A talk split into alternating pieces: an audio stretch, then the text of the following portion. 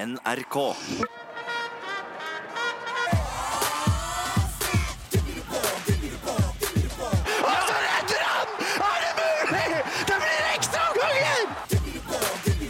Timeout. En håndballpodkast fra NRK Sport. Sikringen har gått! Alt er tomt! NRK Sport. Ja, så var vi her igjen like sikkert som at mandag kan være en blåmandag for noen. Så er det ny pod, og da snur vi den blåmandagen til en god mandag istedenfor ny timeout-podkast, ny håndballprofil, nye historier. Eh, Det er bare å glede seg. Vi skal rett og slett bare kjøre på, vi, med dagens gjest. Ja, dagens gjest beskrives som eh, en av de smarteste personene på landslaget. Og han er noe så sjelden som en håndballspiller med britiske aner som har lykkes i håndballen. Det er eh, ikke så veldig ofte. Han har spilt i Norge, Sverige og Tyskland for Bekkelaget, Kristianstad og Magdeburg. Han er bare 27 år gammel, men han er allerede blitt kaptein for sitt tyske lag. Vi skal høre mer om hva han tenker om posisjonen han har klart å få i en Bundesliga-klubb. Han er ekstremt og jeg understreker ekstremt glad i mat, både å lage og spise. Han beskrives som en livsnyter og en relativt smart fyr. Han har eh, ofte gått foran med det som er eh, viktig for han, f.eks. når han stilte med regnbuefarget eh, kapteinspinn. Det skal vi også høre mer om. Han har en sterk kjærlighet til boybandmusikk. Han kunne hatt bedre egenskaper som bilsjåfør, og han, opp, eh, han kunne faktisk endt opp i en helt annen idrett enn håndball. Alt dette og mer skal vi dekke den snaue eh, neste timen her i podkasten.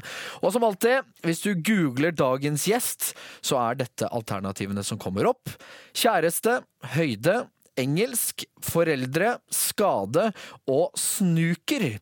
Christian O'Sullivan, tysklandsproffen som selvsagt er så busy at han, eh, han må joine oss fra Magdeburg. Velkommen skal du være, Christian. Takk for det, Patrick. Takk for det. Du, hva tenker du, hva tenker du om introen her? Jeg, hørte sånn så smått, en sånn, litt sånn humring underveis der. Ja, jeg hører at det er mange som har eh, bidratt med litt historier, så det blir spennende å høre hva du skal ha meg til å svare på senere. Eh, men vi kan jo ta det siste først der. Altså Google, kjæreste, høyde, engelsk, foreldre, skade og snuker.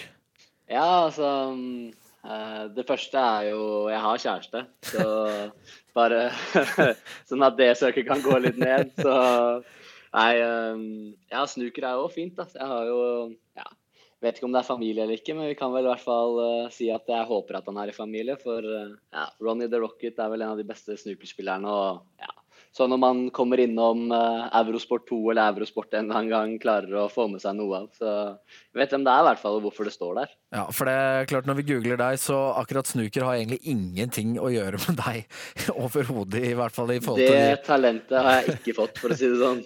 i de treffa vi får, så er det Ronny O'Sullivan, den legendariske snookerspilleren. Men, eh, men spiller du noe snooker sjøl, da? Er det sånn at eh, O'Sullivan-navnet, liksom, da er man født til å være en ålreit biljardspiller? Jeg kan reglene, og så er det litt sånn at jeg har spilt litt uh, grann biljard på bar videre, men uh, der har jeg virkelig ikke noe talent. Ja, nei, det, det I hvert fall ikke like god som Ronny og Sølve, men det er det jo ja, omtrent ingen i verden som er. Um, du, Kristian, jeg liker å starte disse podkastene med å pirke litt sånn i personen, og ikke bare håndballspilleren. Um, men i dag så tenkte jeg vi kunne begynne litt med begge deler. på en måte. Du fikk ganske mye oppmerksomhet for en stund tilbake eh, når du spilte med regnbuefarger på kapteinspinnet. Var du overrasket over eh, oppmerksomheten som kom rundt det? Egentlig kun fått positive tilbakemeldinger på det. Um, så er det litt sånn at en del land henger litt etter uh, ja, den likestillingen vi ønsker å ha i Norge, da.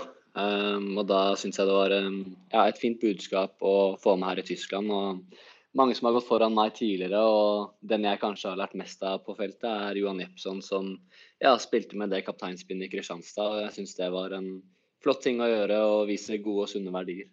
Var det du som tok initiativ til, eh, til at du skulle spille med det? Hva, hva, hva, altså, hva ønsket du på en måte Jeg skjønner jo at man ønsker på en måte økt fokus på det, sånn, men hvorfor valgte du å gjøre det? Nei, jeg fikk eh, Jeg er fadder for en skole her nede, en tysk skole, en privatskole, som spurte eh, Hadde om rasisme og likestilling eh, på skolen. Og hvor jeg kom og så på litt eh, deres tanker om det. Og da fikk jeg egentlig en oppfordring om eh, hva jeg kan gjøre som håndballspiller for å fremme dette. Eh, og ja, fant vel ut at noe av det beste jeg kan gjøre for ungdommen, er å gå foran som et godt eksempel og vise sunne verdier. Og da syns jeg kapteinsbåndet var en ja, veldig god idé. Var det, noe, var det noe trøbbel eh, med det? Jeg vet jo ofte at eh, hvis det skulle blitt gjort i eh, et mesterskap eller landslagssammenheng og sånn, så, så er det ofte restriksjoner fra på en måte IOF og EOF og, og disse her i forhold til ikke politisk budskap eller altså Det er ofte litt sånn vanskeligere. Var det vanskelig å få til? Nei, jeg måtte jo høre om det, da, om det var mulig å gjøre i Bundesliga. I Bundesliga er det ikke noe problem med det i det hele tatt. Men uh, i Champions League er det ikke lov. Uh, da skal du ha et, uh, Hvis du har kapteinsbind, skal du ha et bind som er én farge. Og i EOF-cupen har jeg heller ikke fått noe problemer med det, men det er egentlig ikke lov i EOF-cupen heller. For det er, det er, IOF som styrer, tror jeg. Eller EOF. Så, men i Bundesliga er det ikke noe problem med det, i hvert fall. Og det syns jeg er helt supert. Du er 27 år, Kristian, og du har allerede blitt kaptein i Magdeburg og vært det en liten stund. Hvordan i all verden har du fått den posisjonen i en såpass stor klubb? Altså, det, er, en av de største og beste klubbene i, i, i Bundesliga. Du, veldig ofte så går jo på en måte kapteinspinnet til de rutinerte som har vært der lenge. Altså, du er ikke gamlekaren? Nei, og jeg hadde kun vært der én sesong, jeg.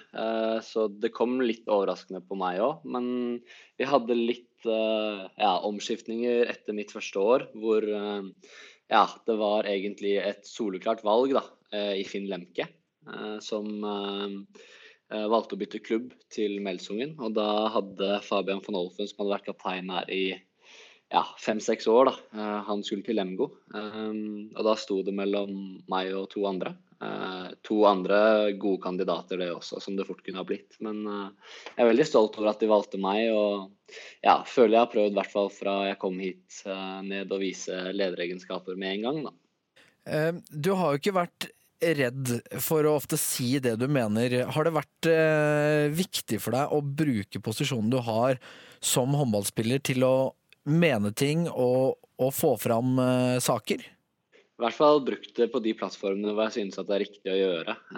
Jeg synes under mesterskap og ja, når vi har kort tid og kun fokus egentlig på prestasjon, da, så prøver man å legge det litt ved siden. Men i vår hverdag så er det ja, ikke så mye vi kan gjøre for å vise ja, andre da, hva vi egentlig står for. Og da er ja, det mediumet vi har gjennom TV ganske stort, i hvert fall i Bundesliga når vi har så mange tilskuere. Så jeg syns absolutt det er en god ting å kunne vise hva vi står for. Så er det litt enklere over en sesong enn ja, når vi absolutt skal fokusere på prestasjonen.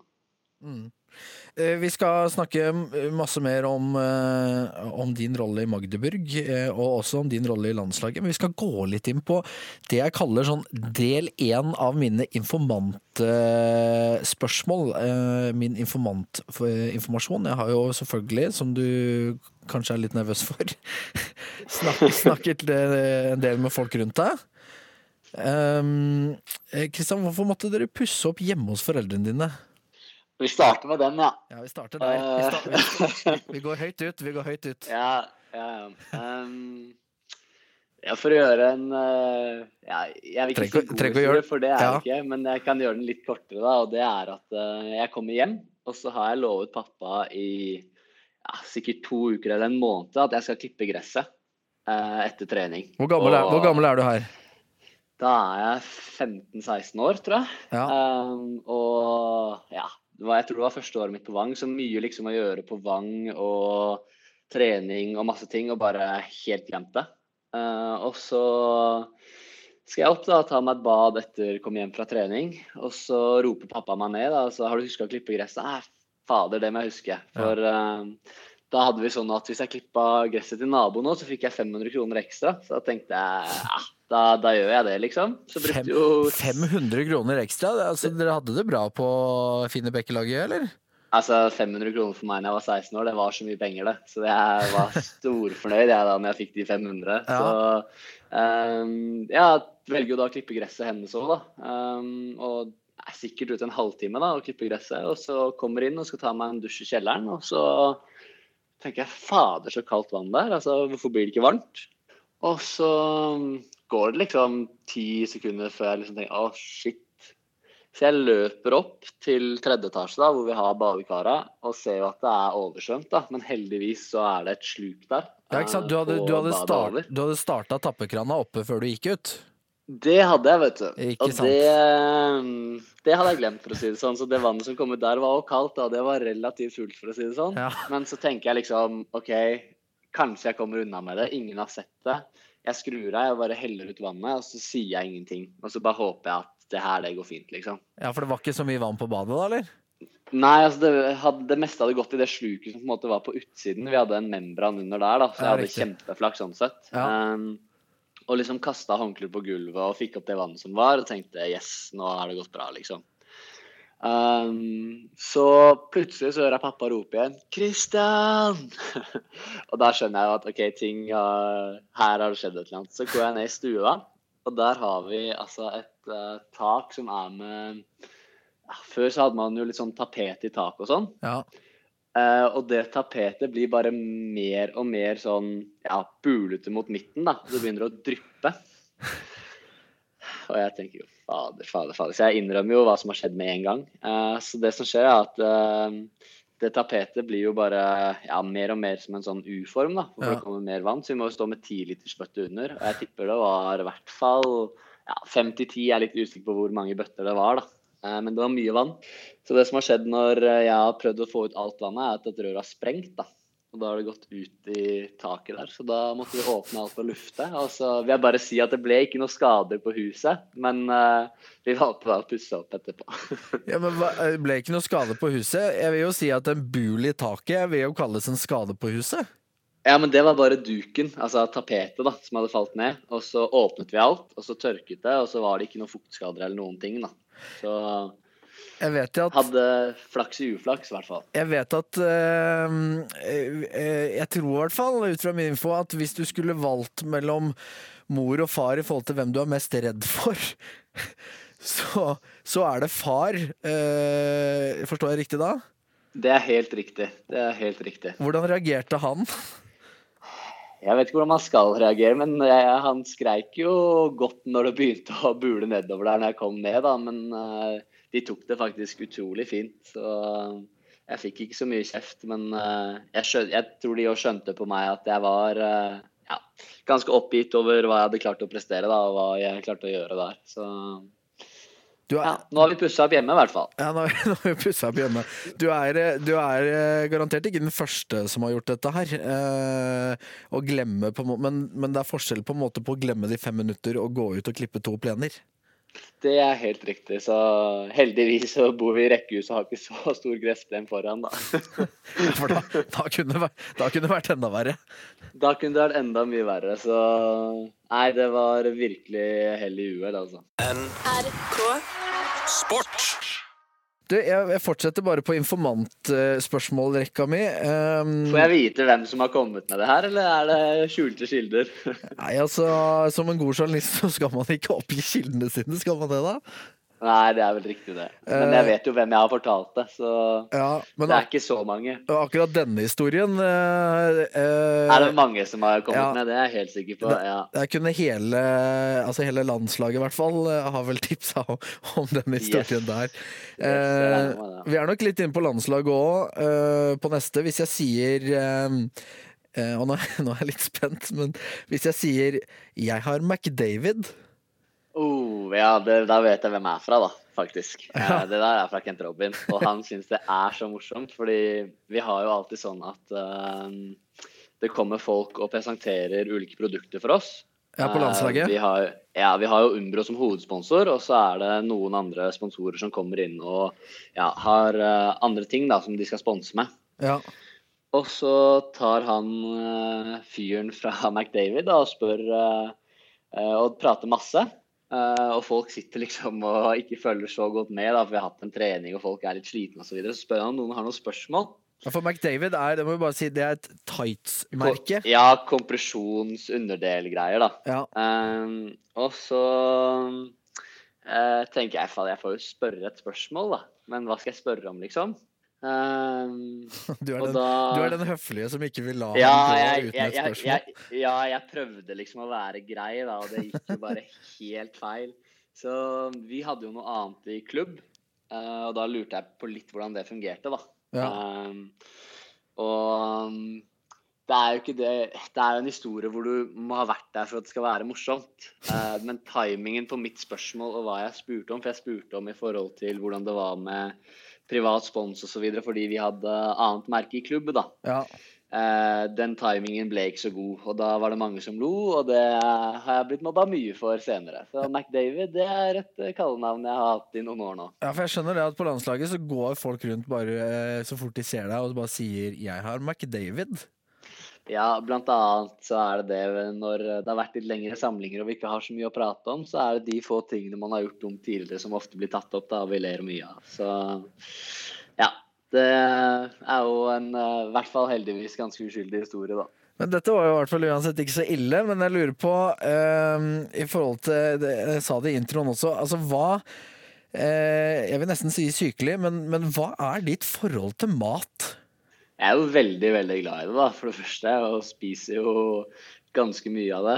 Eh, har nå kommet noen andre òg, i Henrik Jacobsen bl.a., som nå er veldig glad i mat. Og så ja, har jeg blitt mer og mer glad i eh, ja, litt god mat, litt spesielle retter som er litt vanskeligere å lage. da. Så prøver i hvert fall når jeg er hjemme i Oslo å gå på litt gode restauranter med litt femretters og sånn, hvor ja, det er ting jeg vanligvis ikke spiser, da. Men det- å lage selv. Men dette er jo også noe du har hatt siden barndommen. Altså Jeg forstår at du pleide å invitere deg sjøl på middag til folk og spise opp all maten.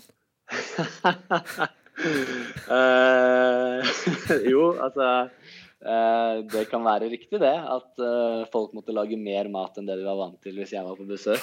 Um, det er helt riktig. Så um, alltid vært glad i mat og alltid spist veldig mye. Så Altså for jeg, fordel for, fordel for meg at jeg har høy forbrenning. jeg har fått oppgitt en slags rekord, uh, og det syns jeg er ganske ellevilt. Uh, seks hamburgere og en hel pakke ostegrill samtidig på en hyttetur. Det kan godt være. Uh, At det er så ellevilt mye mat. jo, men det er jo sånn Når jeg er i mye bevegelse, så har jeg et enormt energitap, tror jeg. Og jeg må ha i meg så utrolig mye mat. Mens når jeg ikke er i bevegelse, så kan det nesten gå dager hvor jeg nesten ikke spiser noe. Så jeg har et fryktelig energibehov når jeg beveger meg. Og de sommerturene der på hyttetur når vi driver og holder på i vannet og leker og holder på hele tiden, så ja, må jeg spise mye mat. Ja, ja det, det har jeg virkelig forstått. Eh, Dette var på en måte en sånn del av litt sånn informantspørsmål. Det det var ikke så gærent, dette her. Nei, det var ganske fint, det. Jeg syns folk har klart å Ja, det er ikke så mye de har på meg som er ille, da, heldigvis. Ja, Så Men eh, det er bare å vente, Kristian. Det, kommer- OK. det kommer en del to. Det kommer en del to. NRK Sport. Du begynte karrieren din i eh, Bekkelaget sportsklubb, eh, Kristian. Men jeg, jeg har skjønt at før det ble satsing på håndball, så var det egentlig ganske mange andre idretter som, eh, som du holdt på med i Bekkelaget. Ja, vi har jo i Bekkelaget så er det veldig mange ulike idretter, og da har man, eh, har man eh, når man er ja, jeg tror seks-syv år, så har man muligheten til å teste alle. Mm. Eh, og da var det Jeg vet hva du skal inn på, jeg tror du skal inn på orientering. Men det var bandy og fotball og masse ulike idretter da, som man kunne teste. Og det var noen jeg syntes var kule, og noen jeg ikke syntes var så kule. Ja, for det eh, blir fortalt at det er noe som heter syv idretter. Så det var syv idretter, man måtte kunne teste. Eh, og ganske tidlig eh, så la du, eller fikk du en sånn forkjærlighet for eh, orientering. Eh, skjønte jeg. Når, når du da kom hjem og sa vet du hva, orientering er superfestlig, dette syns jeg er kjempegøy. Hvordan, hvordan var responsen hjemme da? Nei, altså når du kommer hjem som et lite barn og har prøvd noe for første gang og syns det er kjempegøy, så regner du med at foreldrene dine skal støtte deg ganske mye og liksom tenke at kult, det, det er gøy at du synes, og da skal du få lov til å holde på med det. Men eh, jeg vet ikke om man har sett så mye orientering på TV, og jeg tror faren min har sett bitte lite grann, og han fant ut at han har ikke tenkt å stå og passe på noe post ute i skogen. Uh, så jeg fikk uh, ja, ganske streng beskjed om at orientering, det syns ikke jeg at var noe gøy. Og det trengte jeg ikke prøve noe mer. Så håndball eller fotball, det var fint. Ja, for det, det var vel responsen jeg også skjønte, at du kan få lov til å drive med hva du vil, men om, uh, og jeg skal støtte og følge opp det du har lyst til, men jeg sitter ikke på en post ute i skauen i 20 år for å følge opp deg nå. Det tror jeg Nei, det er, det er helt riktig. Og ja Altså, Jeg syns det jo fortsatt var gøy, men jeg er ganske glad for at jeg ikke er blitt løper når jeg ser, uh, når jeg ser Ingebrigtsen-gutta og sånn. Det, det nivået var jeg absolutt ikke på. Eh, eh, det ble jo håndball. Hvor viktig har Bekkelaget som klubb i ungdomstiden og, også i seniorhåndball etter hvert, hvor, hvor viktig har den klubben vært for deg? Det har betydd alt for meg for der jeg er i dag. Um, hadde kjempeflaks med at de jeg spilte fotball med på barneskolen, også hadde lyst til å begynne å spille håndball. Mm. Uh, og vi fikk en veldig fin gjeng der og spilte ganske lenge sammen. Uh, og var en utrolig god gjeng. Og jeg syns det var så utrolig gøy å dra på håndballtrening. Og ja, dra på cuper og være veldig mye med den gjengen, da. Så mm. håndball har gitt meg masse, egentlig nesten alle de nærmeste vennskapene jeg har nå, har jeg gjennom håndball og gjennom Bekkelaget. Og også ski, da, som vi samarbeida litt med siden. Og uh, jeg var så heldig at når jeg var 16 år, så, eller 15 år, så slo Bekkelaget og Nordstrand seg sammen. Mm. Uh, som er to store rivaler i Oslo-området som ja, er uh, to steinkast fra hverandre, men aldri egentlig klarte å samarbeide. da. Og jeg tror begge lagene var vel i andre og ja, ett lag i tredje divisjon. Mm.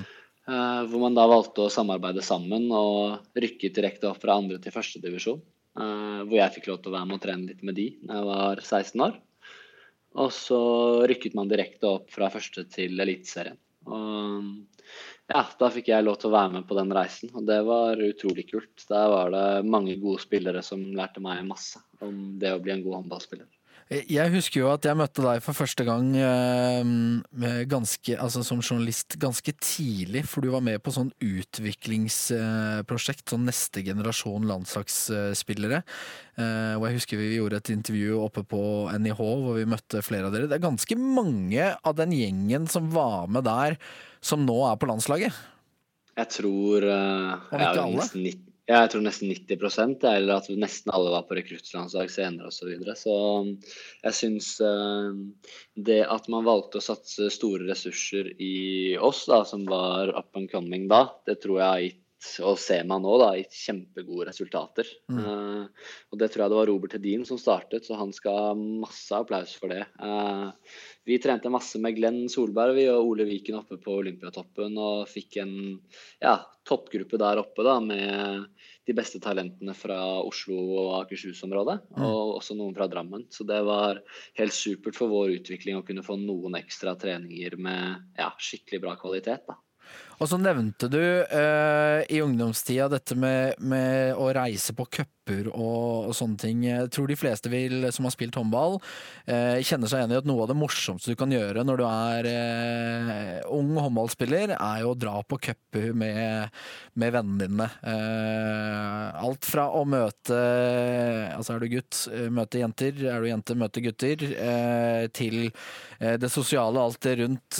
PV-cup har jo på en måte vært stort for veldig mange mange eh, cupen i Larvik. Hva, har den betydd for deg? Det er jo på en måte det blir liksom å ha blitt av veldig mange sånn beskrevet som sånn uoffisielt NM for 13-14-15-åringer. Ja, og vi syns jo at det var kjempestort. Det var det største for oss det hele året. Det var PV Cup. Og jeg har hatt gleden av å vinne det fire ganger. Så det, det har vært utrolig gøy. Vi var eh, Jeg tror vi vant når vi var 12 og 13, og første året så var Jeg tror eh, det var få på laget som var over 1,40 høye da når vi var 12 år, og kjempesmå i forhold til de vi møtte. og eh, var vel egentlig ikke et av de beste lagene, men traff en sånn type toppform inn mot, uh, inn mot uh, PV Cup. da, Mm. Og jeg var så heldig å kunne vinne det første året mot uh, Fjellhammer i finalen. Så det var utrolig gøy. Um, før vi eh, drar ut fra Norge uh, og Bekkelaget til eh, eh, profflivet Altså, du er jo halvt engelsk. Um, du har jo en engelsk far. Eh, jeg forstår det jo sånn at du hadde en eh, liten mulighet til å spille OL i London i 2012 for Storbritannia. Ja, jeg hadde det, eh, og ble spurt. Og var også på en landslagssamling med Storbritannia, faktisk. Um, og ja Ville i hvert fall se da, hva som var mulig. Og på den tiden jeg var ja, rundt 18 år, så var det ikke noe sånn sikkert at jeg kom til å være med på noe A-landslag i Norge, og heller egentlig ikke rekrutt. Um, var en helt OK eliteseriespiller. Og ja um, Var veldig fristet av tanken, men uh, samtidig som det begynte, så begynte jeg også å få en veldig god utvikling på min håndballkarriere og ble tatt med på rekruttlandslaget. Og um, har alltid bodd i Norge og vært født og oppvokst her, så um, har jo egentlig bare forhold til ja, det norske flagget og det landslaget. Og um, ville egentlig kun spille for de. Uh, jeg syns man skal spille for ett landslag. Det som, er, og slett. det som er litt gøy her, Christian, er at eh, eh, hvis ting hadde gått annerledes, så vi kunne vært, øh, vi kunne vært øh, lagkompiser på det britiske landslaget, du og jeg. Mhm. Eh, jeg er også halvt britisk. Jeg ble også spurt uh, når på en måte de, altså de var jo da forhåndskvalifisert i og med at de skulle ha OL i London i 2012, og de hadde jo ikke noe landslag i håndball. Så jeg var også, jeg ble spurt om det, men da var det som det sto på, at de ønsket at man skulle flytte til Danmark og spille for noen danske klubber og ha samlinger og sånn der borte. Og det, jeg tenkte at jeg er ikke Altså, for det første er jeg ikke så god, og for det andre så gidder jeg ikke å bruke to år av livet mitt på å eh, bli med på et landslag som jeg skjønte kommer til å tape 43-14 i eh, de fleste kampene som de stiller. Eh, men det hadde jo vært en opplevelse, da. Absolutt, absolutt. Og jeg håper virkelig at vi med Norge klarer å kvalifisere oss til OL nå. Det er en kjempestor drøm for meg, og jeg var veldig frista av tilbudet. Og ja, prøver å hjelpe Storbritannia nå med de som har uh, dual citizenship, da. De som har en mor eller far med britisk pass. Ja.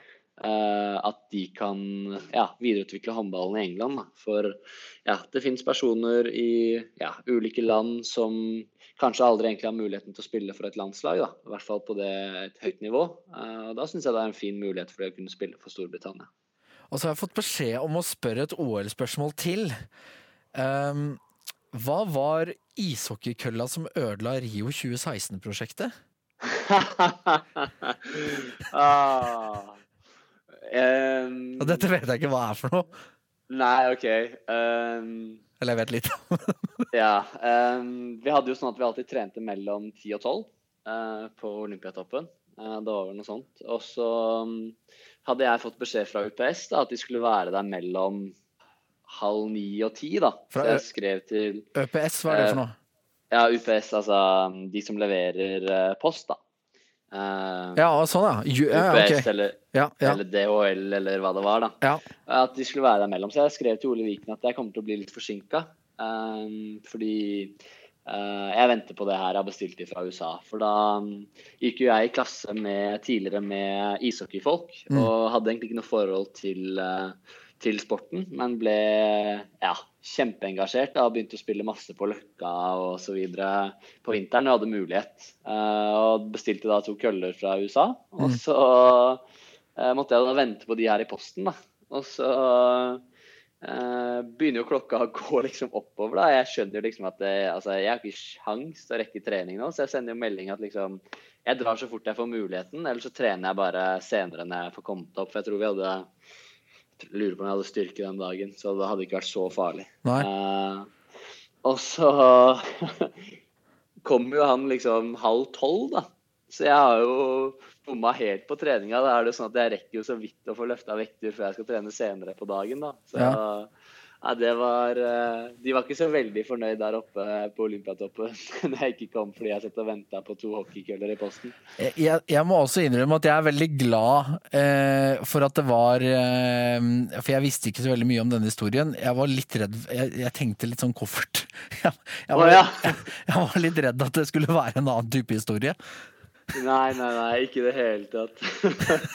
Men da skjønner jeg at jeg var redd for det. Men eh, nei, det var at jeg bestilte eh, fra Hockey Monkey, en sånn amerikansk side, eh, som også finnes i Sverige nå, da, hvor du bestiller. Og da var det et godt tilbud for ja, to ganske bra køller hvor de valgte ut ulik stiffness. Og jeg må ha right istedenfor left. Jeg tror det er left som er mest vanlig. Så det var var vanskelig for meg å finne i Norge, da, gode som ikke kostet veldig mye penger. Eh, Og da tenkte jeg at jeg skulle bestille fra nettside i USA i stedet for. Men du har jo vokst opp i et sånt miljø, eh, som du nevnte Vang tidligere. altså Du gikk jo i klasse med eh, Nora Mørk, Stine Bredal Oftedal, Amanda Kurtovic, eh, Thea Mørk eh, Altså Relativt bra klasse, eh, hvis man sånn ser litt sånn i ettertid. Og så var det Det er jo andre idretter som representerte. Var det noen ishockeyspillere òg?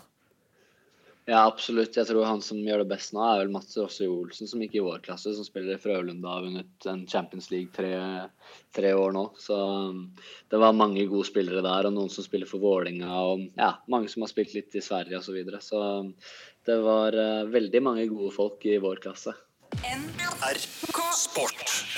Eh, Du beskrives av flere Kristian, Christian, som den litt usynlige. Eh, Og med det så mener de at den som på en måte kanskje gjør mye av jobben som man ikke nødvendigvis eh, ser. Eh, Er du enig i den beskrivelsen, og er du komfortabel med den rollen? Jeg prøver i hvert fall å gjøre det jeg kan for at vi presterer best, da. Og det å være en god lagkamerat. Ja, så blir det ofte min jobb fordi vi har så ja, ekstremt gode spesialister da, på vårt lag, spesielt på høyrebekk kanskje, i forhold til skyttere. Eh, og det å sette opp de i gode posisjoner. Så er det jo blitt sånn at vi har fått en ny dimensjon i Sander som ja, så å si kan alt, da. Eh, Så det er, eh, det er et privilegium å få lov til å stå ved siden av han og ja, en av de fire-fem høyrebekkene vi kan velge på Norge. Skulle du ønske at du fikk mer oppmerksomhet? Nei, jeg trives veldig godt med sånn det er. Jeg føler jeg også får en del oppmerksomhet i mesterskap osv. Um, men liker jo å ha fokus på det vi skal gjøre i mesterskap. Da. Det er en så komprimert tid vi har. Vi har ja, to-tre uker da, på å få ut en maksprestasjon. Og eh, det er sånn at media og ting rundt det kan ta litt mye energi. Og jeg liker da bedre å ja, se litt ekstra på video og få muligheten til å regenerere meg skikkelig for å være klar til neste kamp. Eh, landslaget, altså du har jo opplevd to eh, VM-sølv nå. Eh, hvorfor er det sånn at vi skal tro på dere når dere sier at gullet kommer? Hva er det som eh, indikerer det, og hva er det som er eh, annerledes nå? Vi har jo vist eh, at vi i hvert fall er ekstremt nære da, å kunne stå øverst.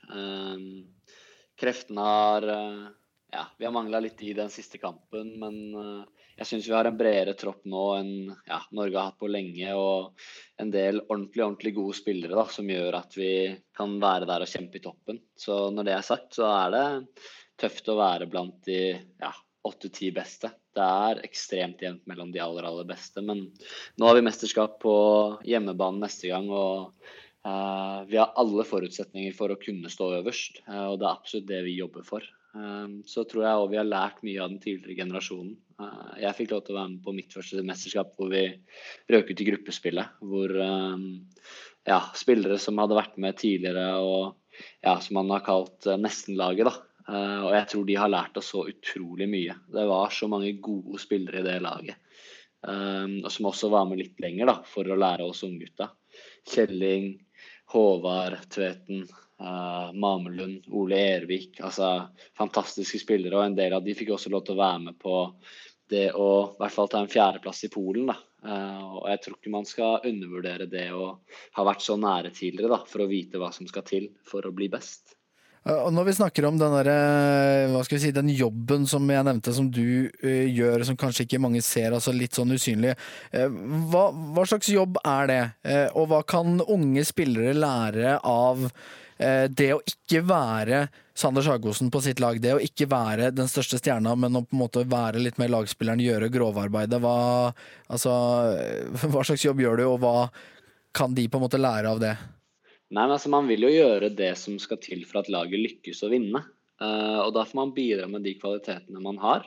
Uh, alle kommer ikke til å skåre ti mål hver kamp, men hvis du kan gjøre det enklere for de ved siden av deg å skåre ti mål, eller bidra på andre måter, være den beste forsvarsspilleren, være den som løper raskest hjem, være den som løper raskest framover, uh, være den som gir alt. Altså, det så utrolig mange ting da, man trenger i lagidrett, og spesielt i håndball. Så man får prøve å bidra med det man kan best, og så får man se hvordan det passer inn i laget. og Vi har utrolig mange vi som er grovarbeidere i vårt lag, som legger ned en utrolig innsats for at vi skal lykkes som lag. og Det er ikke alltid at man ser det så godt. og Det er også en del av de spillerne som kanskje ikke spiller så mye, men som legger ned den innsatsen som ja, kreves da, for at vi skal ha et høyt treningsnivå. Uh, og for at vi skal bli bedre som spillere. Og det at vi får teste oss mot et godt forsvar da, når vi trener angrep, eller motsatt når vi trener forsvar. Så um, det er veldig mange ting som ligger til grunn. Og som jeg sa, alle, alle kan ikke skåre ti mål eller ha ti assist, så man får prøve å bidra med det man selv kan. Eh, godt råd. Når du Altså, når vi begynte podkasten og jeg hadde introen, så beskrev jeg deg som en av de kanskje den smarteste personen på landslaget. Er det fordi at det er lett å være den smarteste personen på landslaget, eller er du smart? Jeg har ikke lyst til å si ja til noen av de egentlig, da.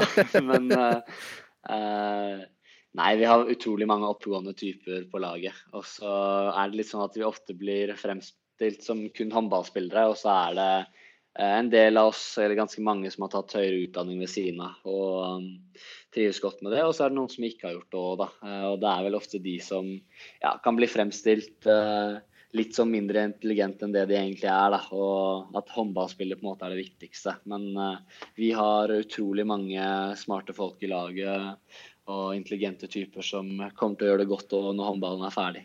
Ja, for når du dro til Magdeburg eh, i Tyskland, så uh, skjønte jeg at uh, Og det er kanskje ikke helt vanlig, altså ønsker klubb, altså klubbene ønsker at man skal være proff. Leve og ånde og trene og tenke håndball hele tiden. Men det har vært ganske viktig for deg å studere ved siden av, etter hva jeg har skjønt? Absolutt. Og det som egentlig er viktigst for klubbene, da, det som folk skal vite, er at man gjør det som skal til for at man presterer på høyest mulig nivå.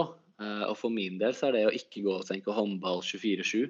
Um, det er en fin avkobling for meg å kunne sitte meg ned og lese litt om koding eller ledelse eller litt sånne ting da, som jeg har studert. Så for min del så var det egentlig bare en veldig fin måte å slappe av på ved siden av idretten. For vi skal være på ja, to til tre timer, kanskje fire timer hver dag da, når vi trener. Eh, og så er det egentlig fritid og det å gjøre seg klar for neste trening som er viktig. Det å prestere der og neste kamp. Og for min del så har det fungert veldig fint da å kunne sitte med tankene på noe helt annet. Hva slags uh, utdanning har du? Det heter jo veldig fancy anvendt datateknologi, da. Uh, og det er jo ja, litt prosjektledelse. Uh, jeg har valgt å ta litt teknologiledelse òg. Og så er det ja, databaser, programmering, eh, litt frontend, litt backend og ja um, Det som egentlig Ja, IT òg, eh, for så vidt. Så det er uh, en veldig bred utdanning innenfor IT, hvor man er litt usikker på om man har lyst til å sitte og kode. Jeg har lyst til å jobbe på support, jeg har lyst til å jobbe med sikkerhet eller lyst til å jobbe i ledelse senere. Da. Så det finnes veldig mange muligheter med den utdannelsen. Ja, eller som jeg sier eh, når jeg har venner som har litt samme type utdannelse sjøl, de forsvinner inn i DOS uh, i hverdagen. Det, det, er det jeg pleier å beskrive det som. Jeg skjønner at jeg vet at det ikke er riktig, Kristian. ja, ja, men det er jo Noen velger å kode, da. Uh, men de pleier vanligvis å gå IT tidligere. Men her får man en ja, litt bredere utdanning. Uh, ikke så innrettet mot akkurat bare informatikk. Så jeg syns det har vært veldig fint for min del. Og vet ikke helt hva jeg har lyst til å holde på med etter håndballen, så for min del var det fint å ha en bred utdannelse. da. Så syns jeg IT er en veldig spennende sektor. Du har eh, gjort mye i ung alder eh, og rukket eh, mye, både på og utenfor eh, håndballbanen. Vi skal straks ha min håndballfamilie, hvor du skal eh, plukke ut Seks kvaliteter som vi skal pare med en håndballspiller, som alle gjestene gjør. Men uh, før den tid så skal vi ta uh, del to av informantspørsmålene som har kommet inn. Kristian, svetter du litt mer nå? Nei, jeg sitter ganske stille og rolig i stolen hittil, altså, så jeg får se hva som kommer. Ja, vi, eh, vi gjør det. Vi ser hva som kommer. Vi er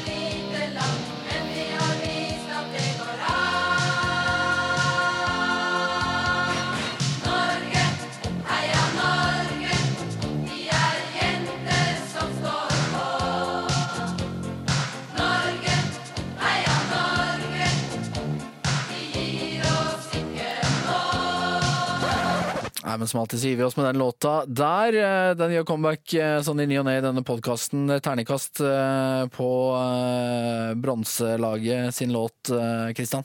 Tre. Ja, for det er liksom det, Det er enten det eller. er, Ja, altså den er litt fengende, den er det, men uh, jeg syns det har kommet mye, mye bedre musikk siden. Og ja, jeg syns jo uh, Alt for Norge kanskje er en av de beste låtene Norge har i forhold til supportersanger, da. Ja, og Det bærer oss inn på det første informantspørsmålet. Hva er ditt forhold til boybandmusikk, eh, Kristian? Jeg er så spennende på hvem som har sagt det her, fordi at jeg kan ikke si at jeg er en sånn super boyband-type. Uh, Altså, jeg jeg, hører egentlig på, på litt alt mulig. Så Jeg, jeg kan jo egentlig si at uh, hadde dette vært en videopodkast, så hadde vi også vist en video. Eh, men eh, den kan vi jo selvfølgelig Det er jo ikke mulig på radiobølgene. Men du er lidenskapelig opptatt av boyband? er jeg det? Ja, Ja, ser okay, sånn ut. ok. Um, jeg tipper det du sikter på er eh, Backstreet Boys i første klasse og sikkert andre klasse òg, når vi skulle ha musikkgreier på skolen. Ja. Ehm, Backstreet Boys var tidlig en favoritt, absolutt. Nå er ikke det et band jeg hører veldig mye på lenger. Det er mer eh, Kent Robin som hører mest på det nå, men uh, jeg uh, var en kjempestor fan da jeg var yngre. Det er det ingen tvil om. Og da hadde vi, jeg tror det var første klasse, så hadde vi at alle skulle bidra med sitt musikkinnslag. Og da valgte jeg og tre-fire andre å være Backstreet Boys, da. Selvsagt. Selvfølgelig, det var store idolene det når vi var veldig, veldig små, men eh, ja, kommet meg litt ut av den sjangeren nå og hører vel litt mer på andre ting nå, da. Ja, ja vi, har alle, vi alle vært der. Eh, vi har alle opptrådt eh, på en eller annen måte med noe, med noe boyband. Så det, det, er ikke, det, er ikke, det er ikke bare deg. Men eh, det som kanskje er eh, bare det Altså, hvordan er kjøreferdighetene dine eh, i bil? Altså, da tenker jeg spesielt på rygging. Ja, altså Uh, Jeg syns jo egentlig de er ganske bra, jeg. Men uh, jeg trodde det skulle komme noe annet nå. Fordi mm, det jeg trodde skulle komme, var at vi var hjemme nå, så skulle vi uh, hente noe mat med landslaget. Ja. Og så er det utrolig lenge siden jeg har kjørt gir. Og de andre bilene har kjørt automat, så jeg får jo Jeg kjører bilen ned til Nordstrand Arena, vi som ikke skulle spille. Og så skal vi kjøre tilbake, og jeg får jo fader meg ikke starta bilen. Og sitter liksom og holder inn bremsen, da, sånn som jeg alltid gjør på bilen hjemme. liksom. og Tenker hva fader er greia, liksom? Altså Er det batteriet som er dødt, eller hva er greia? For det er litt gammel bil, da. Så kommer det fra jeg tror det er Sander ved siden av. Ja. Du må jo holde inn kløtsjen for Ja. så Nei, eh, jeg har hatt bedre dager bak rattet, for å si det sånn. Ja, nei, Det var fint at du på en måte tok den, for det var liksom neste. Men jeg tenkte, men jeg, tenkte jeg skulle ta rygginga først. Ja, nei eh, ja, Jeg er litt usikker på hvilke historier du sikter til, faktisk. Men ja. Beitostølen. Ja, OK, sånn, ja. Ja, ja, ja. Ehm, nei, vi skal ut av, uh, ut av butikken. Jeg liker, så- jeg liker at du bare sånn, for nå vet jeg hva som kommer. At du bare sånn, ah, ja, sånn ja. Ja, nei, det, jeg, kan, jeg kan forklare. Ja, jeg vet hva som kommer. Og um, Greia at vi skal ut fra butikken, og så um, setter vi på høy musikk i bilen. Vi er vel ja, hva er vi, 18-19 år. Ja. Og så um, skal jeg bare rygge rolig ut, og så sitter det jo tre litt store karer, eh, karer bak i bilen, så jeg får ikke sett ordentlig i ryggespeilet. Og så starter jeg Altså, jeg kjører maks fem km i timen. Jeg får sjekket begge sidespeilene, og da ser jeg ingen. Og så rygger jeg litt tilbake, og da um, kjører jeg så rolig at jeg merker ingenting. Og så kjører jeg litt til, og det som har skjedd, er at det står en gammel mann bak bilen. Som jeg da treffer veldig rolig. Jeg vil bare si det. Uh, Ja, det, det kan jeg bekrefte også, at jeg har fått uh, understreket at uh, du har ikke kjørt over han. Du har Nei, på en måte det er helt riktig. Jeg har, jeg har kommet borti og dytta han, da. Ja. Det er ikke bra, det Og heller, jeg- selvfølgelig.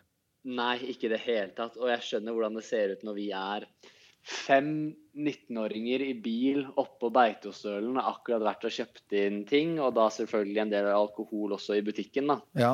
Så bare ting så ikke bra ut i det hele tatt, og jeg unnskylder meg jo som bare det, da. Eh, og han går rett i forsvarsposisjon og sier at jeg må betale kiropraktor og sånn hvis han er skada Han var der, ja. ja, han var helt der, men altså Ikke noe skader på bil og ikke noe skader på noen ting, så jeg har egentlig bare dulta borti han, da. Men uh, det var Da hadde jeg hjertet i halsen, for å si det sånn. Ja, det, det skjønner jeg. Um, Ja. Eh, du, jeg syns du klarte deg eh, fint. Det var jo ikke de verste tingene, selvfølgelig. Eh, men sånn er det jo. Du er jo, du er jo en Du er en ålreit gutt. Du har jo ikke Du ikke skeia ut så mye. Sett bort fra selvfølgelig mannen som ville ha kiropraktortimer etter at du rygga på, men dette, dette er, alt dette har vært veldig innafor. Så vi skal bevege oss videre vi, til min håndballfamilie. Du har kvalitetene klare, og så eh, vi ta den koselige lille jinglen vår eh, for min håndballfamilie.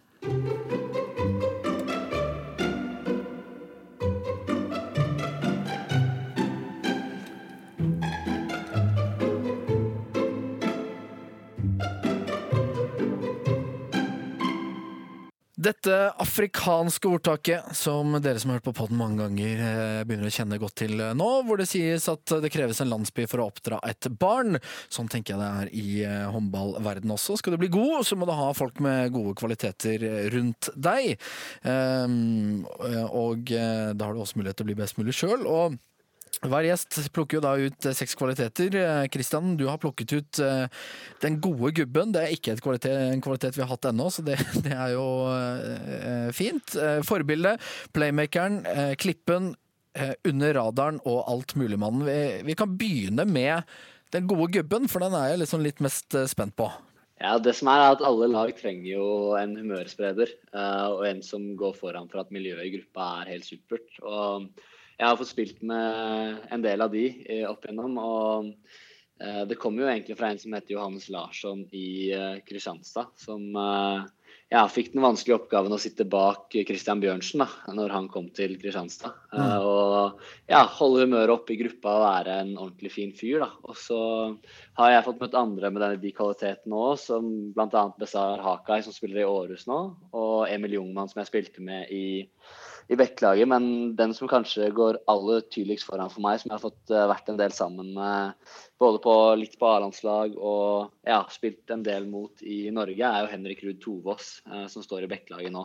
Eh, en helt super fyr for miljøet i gruppa, eh, og som eh, ja, finner på mye gøy og ja, gjør at alle har det ja, har det fint på trening og har det gøy, men samtidig setter litt krav til hvordan det skal være når man først er på feltet, men utenfor helt super og bra sosialt. Og mannen bak mye av infoen jeg har fått i dag, det kan jeg nå si. Ja, det har jeg òg regna med når jeg har hørt litt, faktisk. Eh, Han har, han har jeg vet jo hva han vet. Han har vært en god bidragsutøver. Altså en, eh, en som har bidratt godt til, eh, til flere, Mange po- flere podder. Ja, flere fordi han, han er en helt super fyr, og da blir det jo sånn at man finner på mye gøy sammen. Og da blir det at det blir ofte noen gode historier ut av det. Og derfor er han eh, en, en av de for meg, da.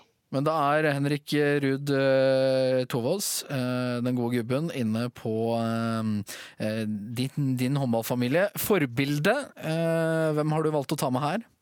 Den er jo ganske enkel, og det er Bjarte Myhrol. Uh, uten tvil. Og, som har vært for oss som kom inn på landslaget i den tiden. Og ja, det er en grunn til at man sier Captain Fantastic. Han går foran hver trening og eh, sørger for at kvaliteten er der den skal være. Og folk trenger noen å se opp til i gruppa. Og for oss så har det vært Bjarte, i hvert fall på landslaget. Og en som alltid går foran. Så mm, det trenger jeg òg i min håndballfamilie. Bjarte Myhrvold inne. Eh, playmakeren er eh, den neste som skal inn. Ja, vi trenger jo noen som er gode til å leke med ballen og det å sette opp andre. Så um, Jeg var litt inne på Berge og Glenn Solberg fra Norge og Lukas Sindric fra Kroatia. Og også Marko Bezak, som jeg spiller med her, som ja, alle har fantastisk blikk for spillet. Men jeg kommer liksom ikke utenom Ivano Balic, som var eh, et av mine store forbilder når jeg vokste opp. Og eh, en fantastisk spiller med øyne i nakken og gjorde sine medspillere så utrolig gode samtidig som han var eh, god selv. Så en av de beste til å holde på med vår idrett. For dere unge som hører på, um, som kanskje tenker men hvem er denne Ivano Balic som har blitt nevnt i flere podder? uh, Google litt, gå inn på YouTube og, og se hvordan håndball faktisk kan spilles av uh, en gud, skal vi kalle han det. En håndballgud, for det er ikke mange som har vært i nærheten av det greiene der.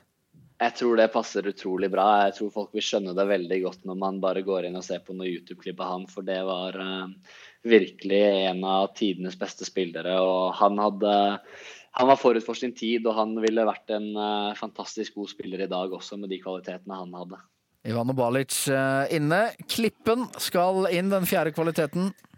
Ja, jeg må jo ha en eh, god forsvarsspiller, og eh, jeg syns eh, en av de vanskeligste jeg møter nå, det er Ludovic Fabrega, som spiller i Barcelona nå og tidligere var i Montpellier og spiller for franske landslaget. Det er en fantastisk, fantastisk dyktig spiller. Altså utrolig god forsvarsspiller og ja, klippen i forsvaret bakover som eh, Eh, som gir litt ekstra juling, da. Eh, det kan være litt ufin innimellom, men alle lag trenger det. Eh, en som går ordentlig foran i forsvar og ja, gjør det litt vondt å spille mot, rett og slett.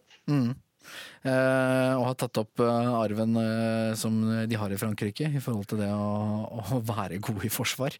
Eh, Ja, det kunne fort ha vært Dinar òg, eller en av Schill-brødrene. altså. Bertrand Schill var òg en sånn type. Så um, Nei, de har mange gode å ta. Så um, han uh, fikk definitivt en plass på laget. Ja, og De gutta de går ikke under radaren, men uh, nå skal vi se hvem som går under radaren, for det er den neste kvaliteten din. Ja, Har du lyst til å gjette, eller? Uh, jeg har lyst til å si Magnus Jøndal. Og det hadde vært et utrolig godt tips. Men det er faktisk Christian Bjørnsen. Ja, ja. Eh, Det var liksom en av kantene der. Ja, og det kunne fort vært Jøndal òg, altså. Um, begge to er litt like på den måten. Men en av grunnene til at jeg sier uh, Bjørnsen under radaren, er uh, Nå har jeg fått spilt med han litt i klubb og litt i landslag. Og hvis du tenker på en måte ja, Bjørnsen, jeg har ikke lagt så mye merke til han, så har han liksom elleve mål, han. Og 11 av 11. Ja. Uh, og du tenker liksom han hadde fem av fem eller et eller annet sånt. da. Og så er det også litt sånn i spillergruppa at han Hvis det er noen intriger, da, så kan du være ganske sikker på at Bjørnsen har noe med det å gjøre, men at han aldri får noe skyld for det. Ja. Eh, Alle det sier er det. en- Ja, og det er en utrolig god egenskap han har. Og jeg er så misunnelig, fordi hvis jeg skal gjøre noe sånt, så vet alle til slutt at det er meg. Eh, Men han kommer seg på en eller annen måte unna. eh, Og den egenskapen der, både på banen og utenfor banen, den, den er god å ha. Ja. Eh, ja, alle beskriver han som det greiene her. Eh, Det er nesten som man skulle ønske at man var litt sånn flue på veggen. når Han drev med litt sånn practical jokes og litt sånn eh, Ja, greia er at han er så fin fyr, vet du. Så du tenker at liksom Nei, nei, det kan jo ikke være Bjørnsen. Eh, altså, han er, han er ikke den typen. Så litt ulv i fåreklær. ja. Eh, Da gjenstår det én egenskap. Det er uh, altmuligmannen. Ja, og det er jo litt sånn Samle litt av de kvalitetene som man trenger som en håndballspiller. da. Skudd, finte, forsvar. Um, ja, og blikk for spillet, da. Um, og jeg er så heldig at jeg får lov til å spille med Sander Sargosen på landslaget. Og han er en spiller som har alle de kvalitetene som skal til for å være en av verdens beste håndballspillere. Og det overrasker meg ikke om han blir kåret til verdens beste håndballspiller eh, i en av kåringene i et av de neste årene. For eh, han har virkelig tatt steg eh, fra både Haslum og Aalborg, hvor han var eh, ordentlig god, til å være kanskje den beste spilleren i Paris Saint-Germain. Så det eh, Han har de kvalitetene som skal til, da. Og kan litt av alt.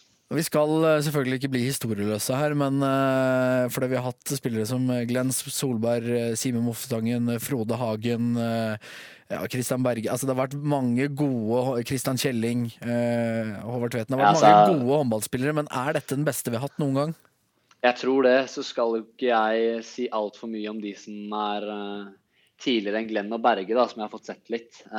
Det kan jeg rett og slett for lite om, sånn som Muffetangen. Men jeg syns både Berg, Berge, Glenn, Kjelling hadde noen gode, ekstremt gode kvaliteter. Jeg syns bare at eh, sånn det er nå, så syns jeg Sander har vært så god på å utvikle seg på alle. Eh, og det er eh, ja, en unik egenskap, det å kunne være god på alt, og ikke bare litt god på alt, men veldig god på alt. Så jeg tror det er eh, Norges beste spiller gjennom tidene. Så i hvert fall på sin posisjon. Og da er eh, også laget ditt eh, komplett. Henrik Ruud Tovås, Bjarte Myhrvold, Ivano Balic, eh, Ludovic Fabrikas, Christian Bjørnsen, Sander Sagosen. Eh, relativt godt håndballag om man bare ser bort fra kvalitetene også, bare tar eh, spilleren. Eh, Jeg ville jo ha det òg, da. Jeg ville jo ha et godt lag. Eh, Jeg merka jo det etter hvert. Og så kunne det fort ha blitt bare norske, for det er jo de jeg kjenner best. Men ja, ville ha litt internasjonal Litt internasjonalt òg, da. Og så skal jo den sjuende spilleren inn. Det er jo da Christian O'Sullivan. Eh, og som vanlig så har jeg da plukka ut litt sånne kvaliteter som eh, jeg mener at eh, gjesten i dag eh, bringer inn på laget. Jeg har eh, skrevet opp en smartness eh, både på og utenfor håndballbanen. Jeg har skrevet opp en, eh, en fart og en eh, uredd eh, innstilling både i forsvaret og i angrepet. En fighter. eh, en lagspiller, og jeg tror også for mange et forbilde så mange gode kvaliteter som, som kommer inn eh, med Christian og Sølven på dette laget også. Da, da er laget ditt komplett, men nå trenger vi bare en trener, Kristian? En trener, ja, det hadde jeg faktisk ikke tenkt på. Eh, men eh, det er jo veldig lett å si Berga, altså. Eh, jeg syns han er utrolig dyktig og flink til å få fram det beste i oss når det er viktig og på kort tid få oss til å prestere på et høyt nivå. For vi har ikke så mange dager sammen hvert år. Og ja, syns det trenerteamet som er der med Christian og Børge, da, eh, fungerer utrolig godt og er flinke til å få fram de beste egenskapene med Børge med forsvarsspillet og Christian med angrepsspillet. Så jeg syns det er en veldig god duo. Så um, finnes det jo også en del gode europeiske trenere, men eh, jeg tror jeg skal holde meg med de to norske. Skal vi gi eh, buketten et navn også? Har vi et lagnavn vi kan sette på, på gutta? Ja, hva skal det være? Eh, har du noen gode tips, eller? Altså, de fleste har gått for sånn og Sølven Allstars. Det har vært eh, standardsvaret på, på lagnavn. Ja, da blir det nok det. Og Sullivans Allstars, det er fint, det. Altså, jeg syns det laget her kunne fint stilt på banen. Ja. Ja, men det, Dette er veldig bra. Da er vi faktisk ved veis ende, Christian. Eh, Har du, har du hatt det artig sjøl? Ja, veldig hyggelig. Så eh, vet jeg nå at når flere skal inn på den podkasten her, så skal jeg ikke være Ikke holde igjen på historier til deg. Nei, det er bra. Det er det som har på en måte blitt så fint nå. At det har blitt en sånn ripple-effekt. Eh, Yes, folk har hørt med. og, og skjønner at de andre holder ikke igjen, og da skal ikke jeg holde igjen heller. Og det er jo til glede for oss som får, eh, får høre på og bli litt bedre kjent med dere. Da, da gjenstår det bare én ting, og det er eh, å si eh, farvel. Har du en spesiell måte du eh, sier ha det på? Eh, absolutt ikke, men eh, det holder bare å si ha det. Og takk for hyggelig podkast. Det var kult å være med. Ja, men Så bra. Ha det til Kristian eh, og Sølven, og eh, lykke til med det som skal skje framover. Eh, Vi avslutter vi med det vi aldri blir lei av å høre igjen. Vi høres igjen eh, neste uke, folkens. Ny gjest, ny pod, ny mandag. Takk for i dag. 30 sekunder igjen! Norge går opp! Og Bjarte Myhrvold den i mål! Og løper æresrunde like så godt før tida er ute. Norge er i VM-finale! Er det mulig? Christian Berge ser opp mot himmelen! Det er noen der oppe som ser ned på de norske håndballgutta og unner de alt godt! De, de omfavner hverandre på benken og som vil ingen ende ta! De er ute! Norge er VM-finale! Er det mulig? Ja, det er det! Ja, det var eh, å få hjertestarteren til Patrick her, for nå, nå blir det tøft. Det er eh, bare å klippe seg i armen.